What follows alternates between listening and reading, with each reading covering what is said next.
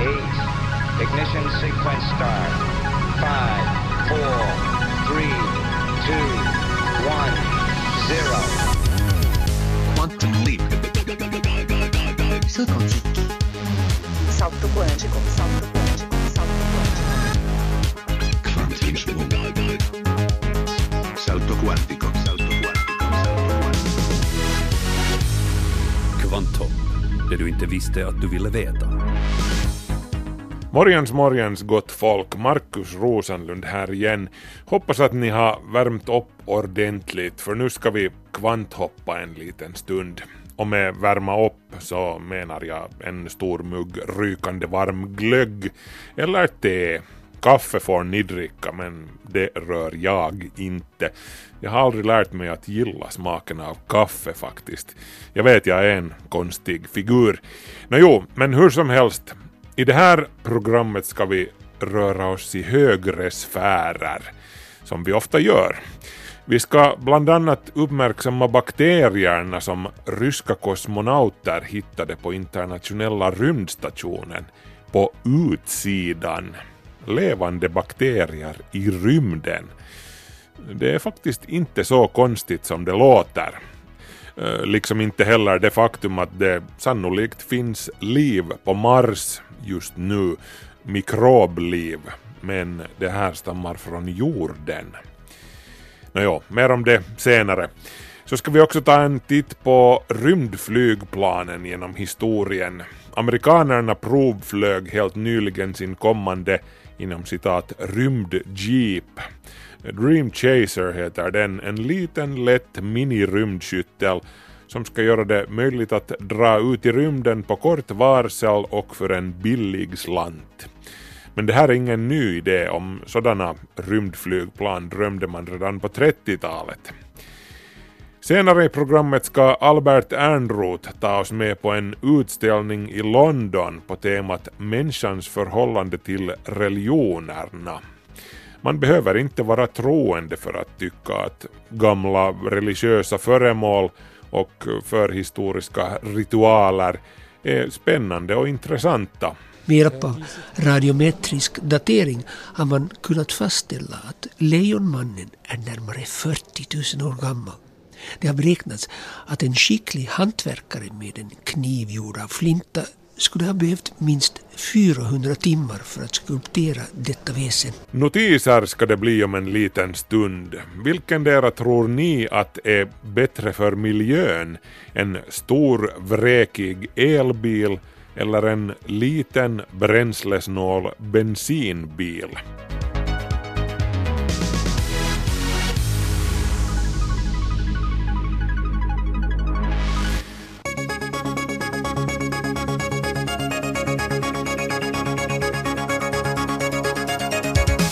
En stor och vräkig elbil är bättre för miljön än till och med en liten och snål bensinbil. Det här framgår ur en färsk studie som den tyska tidningen Manager Magasin har gjort. Och då tar man alltså med i beräkningarna både den koldioxid som uppstår då bilen tillverkas och de utsläpp som uppstår då man kör med bilen. Som jämförelseobjekt använde man en elbil av märket Tesla modell XP100D och bensinbilen var en Ford Fiesta med låg bränsleförbrukning. Teslan som är registrerad för sju personer gav under 175 000 kilometers körning upphov till koldioxidutsläpp på totalt 35 ton medan Ford Fiestan producerade 39 ton. Vid 270 000 kilometer ledde Teslan med hela 14 ton koldioxid mindre. Tesla har meddelat att de kommer att gå över till att använda enbart inom citat ekologiskt producerad el i sin biltillverkning men hur de har tänkt göra det här i praktiken är det ännu ingen som vet. Ryssland bygger en ny version av det strategiska bombplanet Tu-160, ett av essen i leken från kalla krigets dagar. Det är fråga om ett överljudsbombplan med en topphastighet på mer än Mach 2, det vill säga dubbla ljudhastigheten. Natos kodbeteckning för planet i fråga är Blackjack. Planet är inte ett så kallat stealthplan, det syns alltså på radarn, men man räknar med att det inte behövs stealth då man kan komma åkande i dubbla ljudhastigheten, avfyra sina kryssningsmissiler och flyga sin väg. Ingen hinner reagera helt enkelt. Ryssland har just nu 16 av de gamla Tu-160 i bruk och nu har man då beställt 50 stycken till med uppdaterad motor och annan teknik. De nya Tu-160 är just nu under konstruktion på Tupolevs fabrik i Tatarstan och de första planen väntas bli flygfärdiga något tag under nästa år. Apropå bombplan så är kärnvapenkrig fortfarande det mest akuta hotet mot vår överlevnad. Enligt forskningsprogrammet Existential Risk to Humanity som under höstens lopp har samlat forskare från flera olika länder, allt från filosofer till fysiker, för att bedöma de mest akuta farorna som hotar vår existens. Ny Teknik skriver om det här. Svårigheten med att bedöma dylika risker, menar forskarna, är att man inte riktigt kan bedöma sannolikheten för sådant som aldrig tidigare har hänt. Men, menar de, ett eventuellt kärnvapenkrig är hur som helst överst på listan. Därefter kommer olika former av syntetisk biologi, bland annat artificiell intelligens som kan sätta igång kedjereaktioner bortom mänsklig påverkan. Forskarna konstaterar att vi kan sluta oroa oss för kosmiska hot som supernovor och solstormar och koncentrera oss på de hot som vi själva orsakar för de är och förblir prioritet 1. Finland är aktivt med på ett hörn då en ny rymdsond ska konstrueras för att studera en asteroid. Diskus heter sonden, eller sonderna. Det är fråga om två små sonder som ska flyga till en asteroid i jordens närrymd och där ska de sedan sondera asteroidens innanmäten med radar. Vi talar då om en asteroid på mellan 200 och 600 meter i genomskärning. Diskus är för övrigt en förkortning av Deep Interior Scanning CubeSat. Det är Tammerfors tekniska universitet som representerar Finland i det här tyskledda projektet som för närvarande samlar ihop den behövliga finansieringen. Om och när det fixar sig med pengarna så kunde tvillingsondarna vara färdiga för avfyrning så pass tidigt som 2021.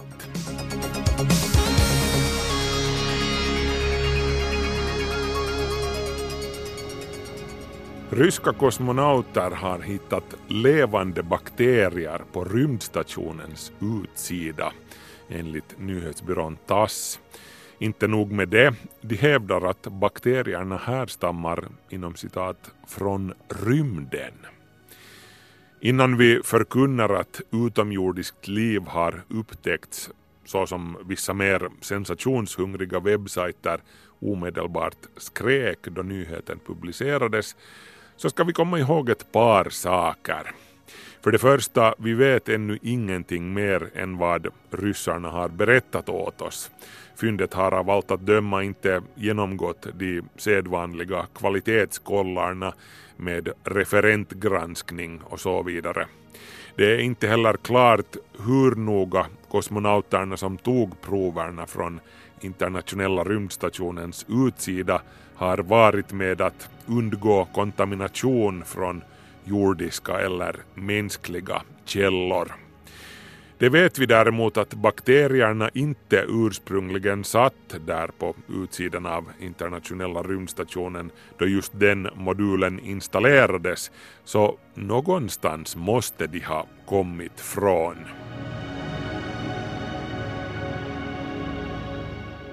Det vet vi också att bakterier och blågröna alger klarar av långa tider i rymdens vakuum.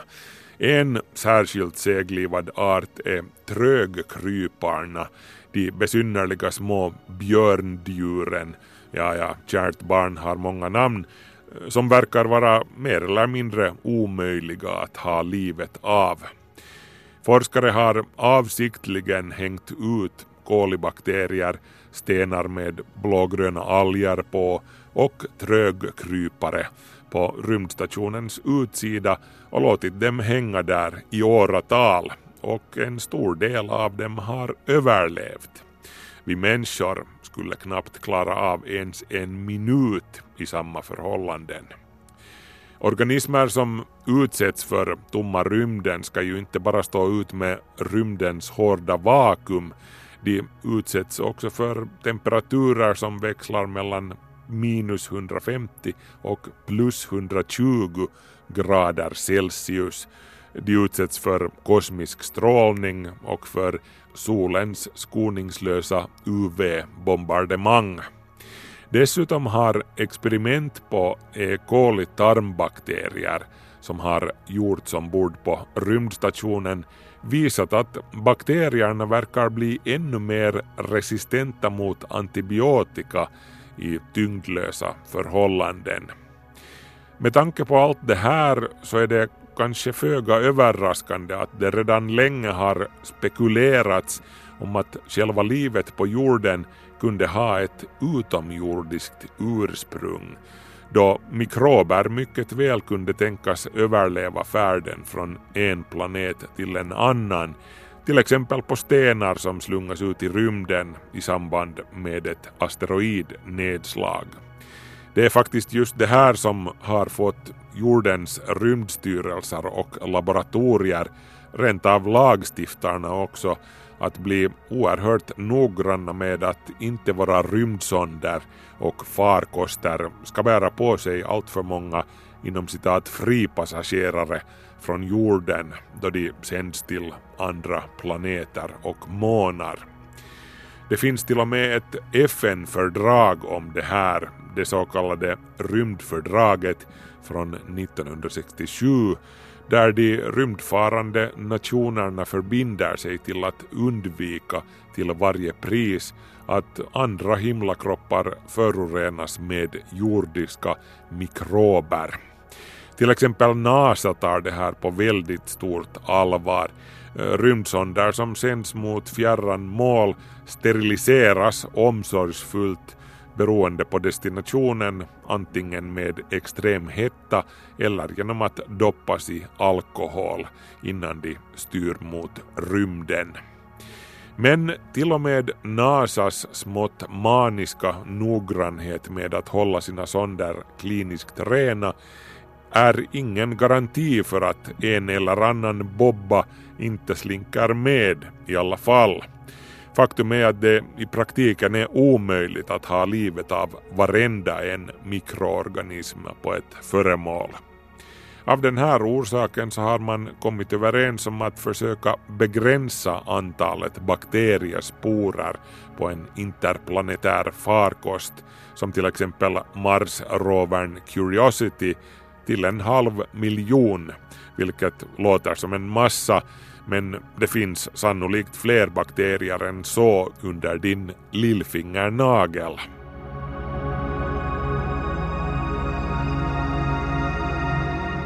Antagandet som NASA gjorde till exempel just med Curiosity var att den extremt utmanande miljön på Mars skulle eliminera de sporer som eventuellt överlever rymdresan. Men det är inte alls osannolikt att en del av mikroberna överlever. Till och med NASA menar att det sannolikt redan finns mikrobliv på Mars och att det är vi som har placerat det livet där. Hur som helst, ska vi ha några som helst chanser att finna spåren av eventuellt inhemskt liv på Mars så behöver vi göra det nu med hjälp av fjärrstyrda rovers, för den dagen då en människa sätter foten på den röda planeten, då är loppet kört en gång för alla, då tar de jordiska mikroberna över Mars med fart. Men vad ska vi då alltså tro om de här bakterierna som ryssarna nu påstår sig ha hittat på utsidan av internationella rymdstationen? Nå, vi behöver inte nödvändigtvis betvivla att de faktiskt har hittat bakterier där. Men med närmare studier så kommer de med största sannolikhet att visa sig vara högst ordinära jordiska bakterier som på något sätt har rymt från stationens innanmäten. Eller så har proverna från rymdstationen kontaminerats i laboratoriet nere på jorden. Så ring inte till Fox Mulder riktigt ännu. IT har antagligen inte hittats trots allt.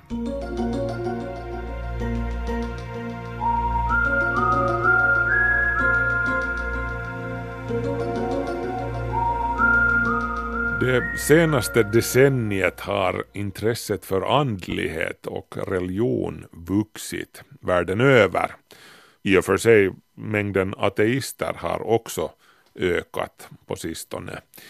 Men hur som helst, vi har precis avslutat reformationsåret och Martin Luther har, åtminstone här i Nordeuropa, ägnats otroligt stor uppmärksamhet. Men i England där fortsätter British Museum att utforska religionstemat. Albert Ernroth har besökt det anrika museet där det fram till den 8 april nästa år pågår en tankeväckande utställning om människans förhållande till religion. Hartwig Fischer, som är chef för British Museum, anser att museet med sina otroliga kulturhistoriska samlingar är det perfekta stället för en utställning om människans förhållande till Gud. It's a theme which is as huge as as humankind, I'd say. Because if you do it at the British Museum, being the museum of the world for the world, with collections that span two million years, all continents and all cultures and all epochs, you have the unique chance of doing an exhibition on this subject that touches on an incredible variety of, of aspects of this subject of belief. His Historiskt sett känner vi inte till en enda kultur som inte har påverkats av någon form av tro och gudshängivenhet. Belief seems to be a very basic given of human existence, of Homo sapiens. British Museums utställning Living with Gods försöker på sätt och vis göra det osynliga synligt med hjälp av religiösa föremål. Att definiera trosföreställning är svårt för att vi talar om någonting obestämbart som ibland kan vara en utomkroppslig upplevelse. Föremål hjälper att göra religion till någonting mer konkret. I utställningen figurerar föremål som förknippas med all världens olika religioner. Faktiskt alla de kändaste. Sovjetunionens och Kinas statsateism uppmärksammas också, men som bekant ledde Guds förnekande istället till personkult. Jag frågar Jill Cook, kurator för Living with Gods, vad hon hoppas att besökare får ut av denna tankeväckande utställning. I think what I hope that they'll take away is that believing and belonging are parts of human nature, that they have been part of our behaviour for a very long period of time, and that you can't simply eradicate them by saying, well, we'll be a secular society and all our troubles will be solved. That's not going to happen. Människan har ett medfött behov av tillhörighet och tro och därför uppfyller religioner en viktig funktion, påstår Jill Cook.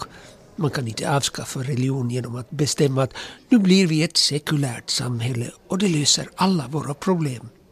Människan har alltid haft ett behov av ritualer och sedvänja. De äldsta artefakter är bruksföremål och vapen. Det äldsta kända konstföremålet som troligtvis har använts vid en religiös ceremoni visas nu på British Museum. Ja, das Objekt hat eine spannende Fundgeschichte hinter sich. Es wurde bereits 1939 bei Ausgrabungen in der Stadelhöhle im Lohnetal nordöstlich von Ulm, das liegt auf der Schwäbischen Alb, entdeckt. Allerdings am allerletzten Grabungstag, wenige Tage vor Beginn des Zweiten Weltkrieges.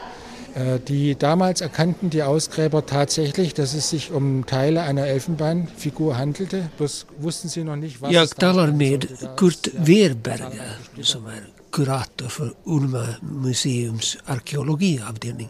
Staden Ulm ligger i delstaten Baden-Württemberg och lite norr om den i en grotta i bergskedjan Schwäbischen Alb hittade två arkeologer elfenbenbitar som uppenbarligen var snidade.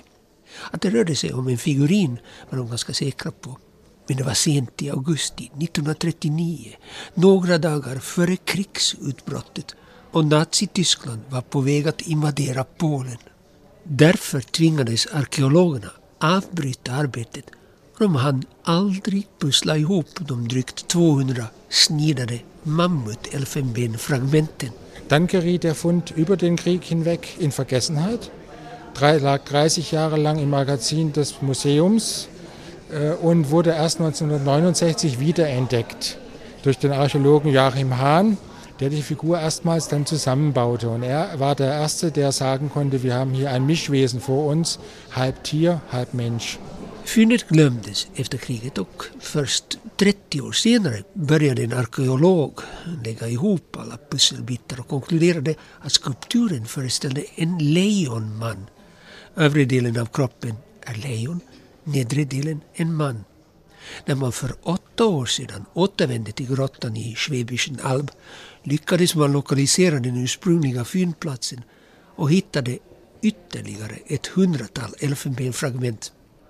Skulpturen har sedan dess rekonstruerats på nytt och Kurt Weberger tror att det idag endast saknas 20 procent av den totala volymen. Wir haben jetzt im Moment die Figur aus rund 300 Teilen zusammengefügt. Es fehlen aber immer noch so etwa 20 Prozent vom Volumen. Med hjälp av radiometrisk datering har man kunnat fastställa att Lejonmannen är närmare 40 000 år gammal. Det har beräknats att en skicklig hantverkare med en kniv gjord av flinta skulle ha behövt minst 400 timmar för att skulptera detta väsen. Der einzige Vergleich ist, diese Malereien sind zwar deutlich jünger, die datieren so um 20 bis 30.000 Jahre etwa. Die Figur ist ja 40.000 Jahre alt, aber dort hat man, finde ich, die gleiche Kombination. Der Unterteil ist Mensch und der Oberteil ist Tier oder eine Mischung von Tieren. Das ist der Vergleich. Man tror att föremålet användes i någon rituell form av tillbedjan. Figurinens nötta yta har förmodligen orsakats av att generationer av människor har berört den i sammanhang med någon ritual. Det finns grottmålningar där liknande kombinationer av djur och människoväsen har avbildats men varken Venusfiguriner eller målningar motsvarar Lejonmannen i fråga om komplexitet och ålder. Shiva Shiva Shankar Mahadeva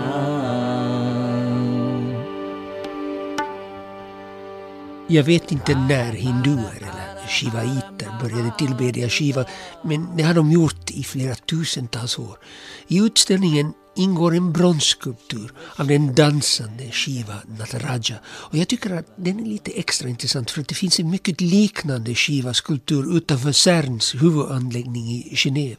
Alltså komplexet där den europeiska organisationen för kärnforskning kör sin kraftiga partikelaccelerator. This is a bronze sculpture of Shiva Nataraja, so that's the transformation of Shiva into the creator and the destroyer of worlds. Shiva is the lord of the dance, and he is dancing the world into existence with this huge energy, the drum of creation in one hand, and his hair flying out and forming the ripples of water, which of course is so holy to all traditions under the Hindu umbrella. and he's surrounded by a ring of fire, uh, which is also useful, creative, and destructive. Brahma betraktas som världens skapare.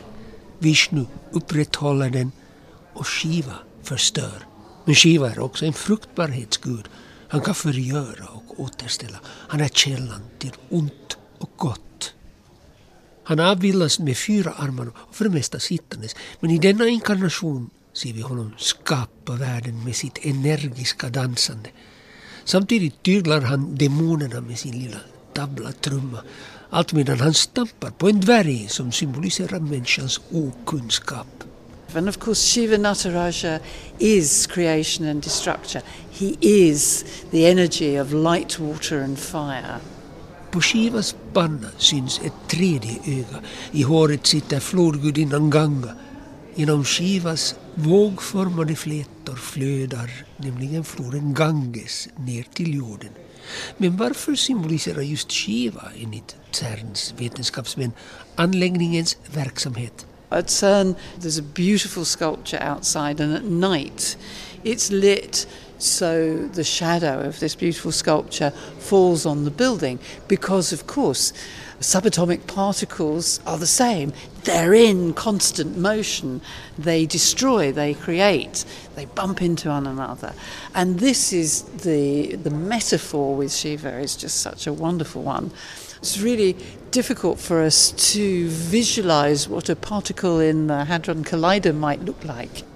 Shiva är enligt fysikerna, säger Jill Cook, ett slags metafor för subatomär fysik. Subatomära partiklar rör sig hela tiden. De förgör, kolliderar och skapar. Den dansande skivan Nataraja får därför tjäna som en symbol för den gigantiska partikelacceleratorn Large Hadron Collider som ligger under marken utanför Genève i Schweiz. Belief in view of what we are witnessing today seemed a very appropriate subject that we should explore. Hartwig Fischer, British Museums direktör, anser att denna utställning om vår trosuppfattning känns dagsaktuell. Man har försökt leta fram föremål som är lite oförutsägbara, överraskande. Som bekant blev Maos lilla röda en viktig del av personkulten. Men jag kände inte till historien om Maos mango och hur den tropiska frukten som var okänd i Kina på 60-talet plötsligt blev en symbol för Maos oändliga kärlek till kineserna. Ja, mangon blev ett kultobjekt. Mer om den bisarra historien hittar ni på nätet. De mest upprörande föremålen finns i den sista montern. Där hänger bland annat ett enkelt kors som verkar vara målat i olika färger. Men när man närmar sig ser man att färgen och träbitarna är nötta och slitna. It's a very simple and moving piece by a carpenter called Francesco Tuccio, the carpenter of Lampedusa in the Mediterranean. And in 2013, there was a most terrible shipwreck off the coast with uh, many hundreds of people, refugees from Eritrea and Somalia, who were fleeing from persecution and war, who drowned. And at that time there was no uh, Mare Nostrum. The I oktober hadn't 2013 inaugurated the kapsejsade ett överlastat fartyg utanför den lilla italienska ön Lampedusa. 368 personer drunknade. Italienarna hade då ännu inte bildat livräddningsinsatsen Mare Nostrum. Offren kom från Eritrea och Somalia och de hade gemensamt att de var kristna, alltså en förföljd minoritet i dessa länder. Francesco encountered some of these people in his church because they were Eritrean and Somali Christians. Francesco Tuccio träffade några av flyktingarna och ville på något vis försöka uttrycka sin empati, sin medkänsla. Francesco är inte en rik man, säger Jill Cook, men han är en skicklig hantverkare. Flyktingarnas havererade båt låg ännu på stranden och Francesco tog några av dess plankor. Först gjorde han små kors av träbitarna och gav dem åt folk. And he, not a man of great resources, just an ordinary guy. And so Francesco did the only thing he knew how to do, and that was use his carpentry skills. So he went to the boat that was wrecked and he took pieces of wood and made a cross. And he, first of all, he made many little crosses that he gave to the people he met as symbols of hope and salvation. It was all he could do for them. Francesco gjorde till slut det gulblåa korset som kanske är 60 centimeter högt. Det kallas nu för Lampedusa-korset har blivit en symbol för hopp och räddning och frälsning. Många tusentals människor som har flytt från krig eller förföljelse och sedan på väg mot friheten har drunknat i Medelhavet. Många av dessa flyktingar förblir namnlösa. Francescos kors kan därför också betraktas som ett minnesmärke över alla som drunknade och inte fick en riktig grav. Was all he could do for them. This is all I can do for them uh, as a curator. Människor behöver ritualer för att till exempel kunna sörja och för att skapa en känsla av samhörighet. Jag är inte särskilt religiös, men efter att ha begrundat utställningen Living with Gods stärks jag i min tro att människan bär på en inneboende andlighet som vi kan ge uttryck för på många olika sätt, men som ändå till syvende och sist är bevis för hur likadana vi människor alla är.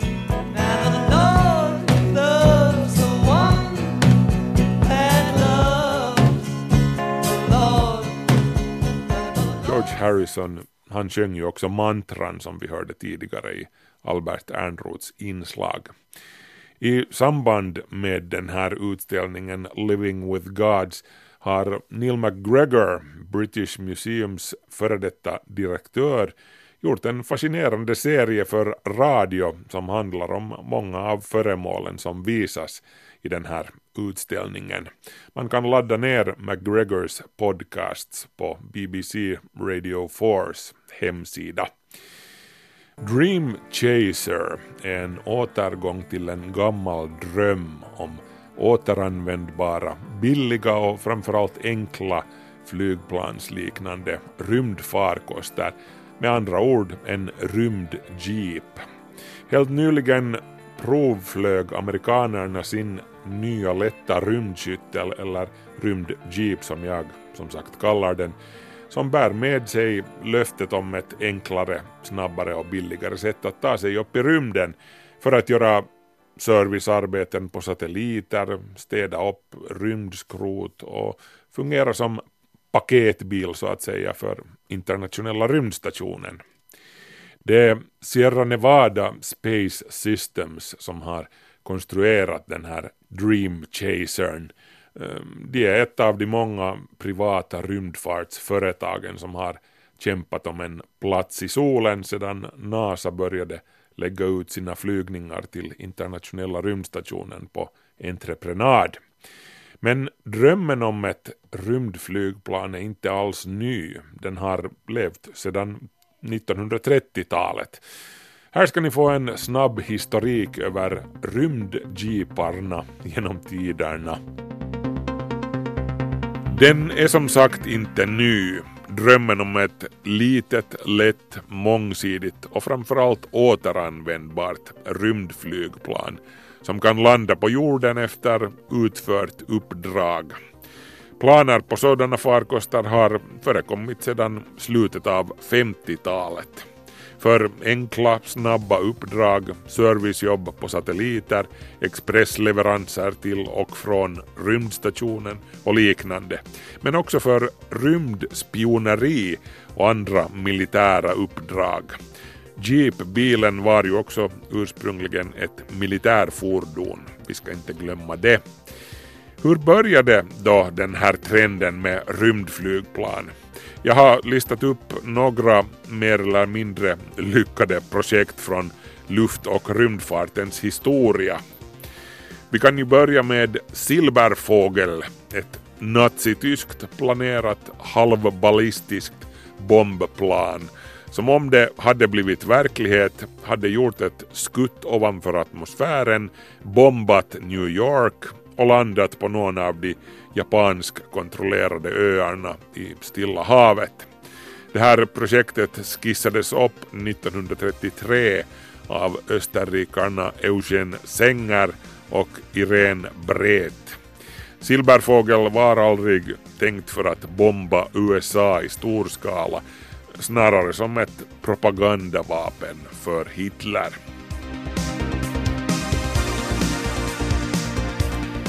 Och sen har vi X-20 Dinosaur, Dynasaur stavas det. Ett projekt som USAs försvarsmakt inledde 1957 men det hela lades ned 1963. X-20 var tänkt att bäras ut i rymden på en Titan bärraket men planet kom aldrig ens så långt som till provflygning. Och Hermes, eller Hermé, en fransk konstruktion som var på tapeten redan på 70-talet men som lades ned 1992. Hermé återupplivades i privat schweizisk regi 2015 men också det försöket gick i stöpet. Och så IXV, Europeiska rymdstyrelsen ESA, de hade lite bättre tur med sin IXV eller Intermediate Experimental Vehicle Också den en liten obemannad rymdskyttel alltså, som avfyrades från franska Guyana i februari 2015 och fullbordade en 100 minuters rymdflygning.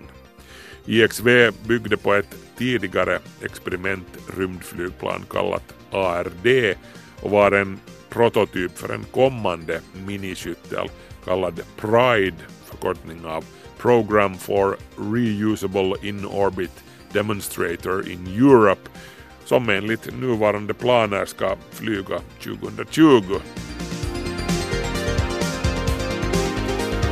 Och så har vi Boeing X-37, ännu en obemannad återanvändbar liten experimentell farkost som började som ett NASA-projekt 1999 men som senare togs över av USAs försvarsdepartement.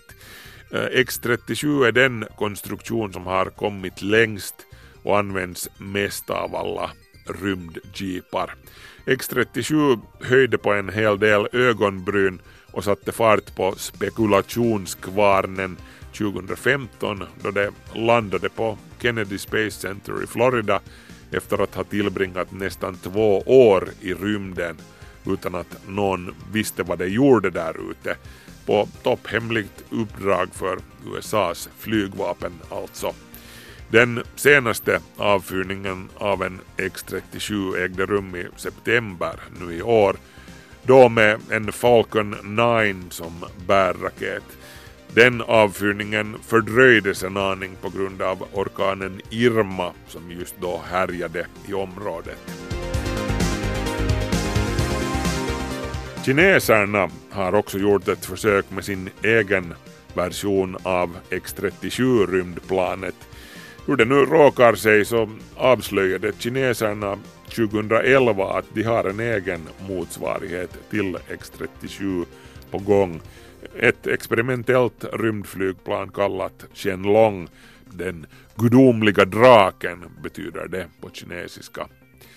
Qianlong kom knappast som en överraskning för någon eftersom det är väldigt uppenbart att amerikanerna använder sitt X-37-plan inte minst till att spionera på kineserna som har tagit över ryssarnas roll som ärkerivalen i rymdsammanhang. Kina erkände alltså planets existens 2007 men projektet har varit starkt hysch-hysch och väldigt få bilder av planet existerar. Och vi kan ju ännu nämna Buran i det här sammanhanget. Ryssland har självklart också experimenterat med rymdflygplan. Eh, Buran, eller Snöstorm, så hette deras version av rymdfärjan Den gjorde en obemannad testflygning 1988 men projektet gick i graven med Sovjetunionen. Men ryssarna har också experimenterat med de här mindre rymdflygplanen. Max heter deras version av X-37. Där som Buran snarare var en tung inom citat rymdlastbil så är projekt Max en, en bättre motsvarighet till amerikanernas X-37. Rymdflygplanet Max som föreslogs 1968 var tänkt att rida upp mot stratosfären på ryggen av ett Antonov AN-225 transportplan varefter det skulle ha fortsatt för egen maskin upp i rymden. Men Max kom aldrig längre än ritbordet och så var det med den saken. Men ryssarna sägs fortfarande alltså ha sitt eget svar på X-37 i görningen. Alltså ett litet och lätt militärt spionplan för låg omloppsbana. I vilket skede det projektet är just nu, det är okänt.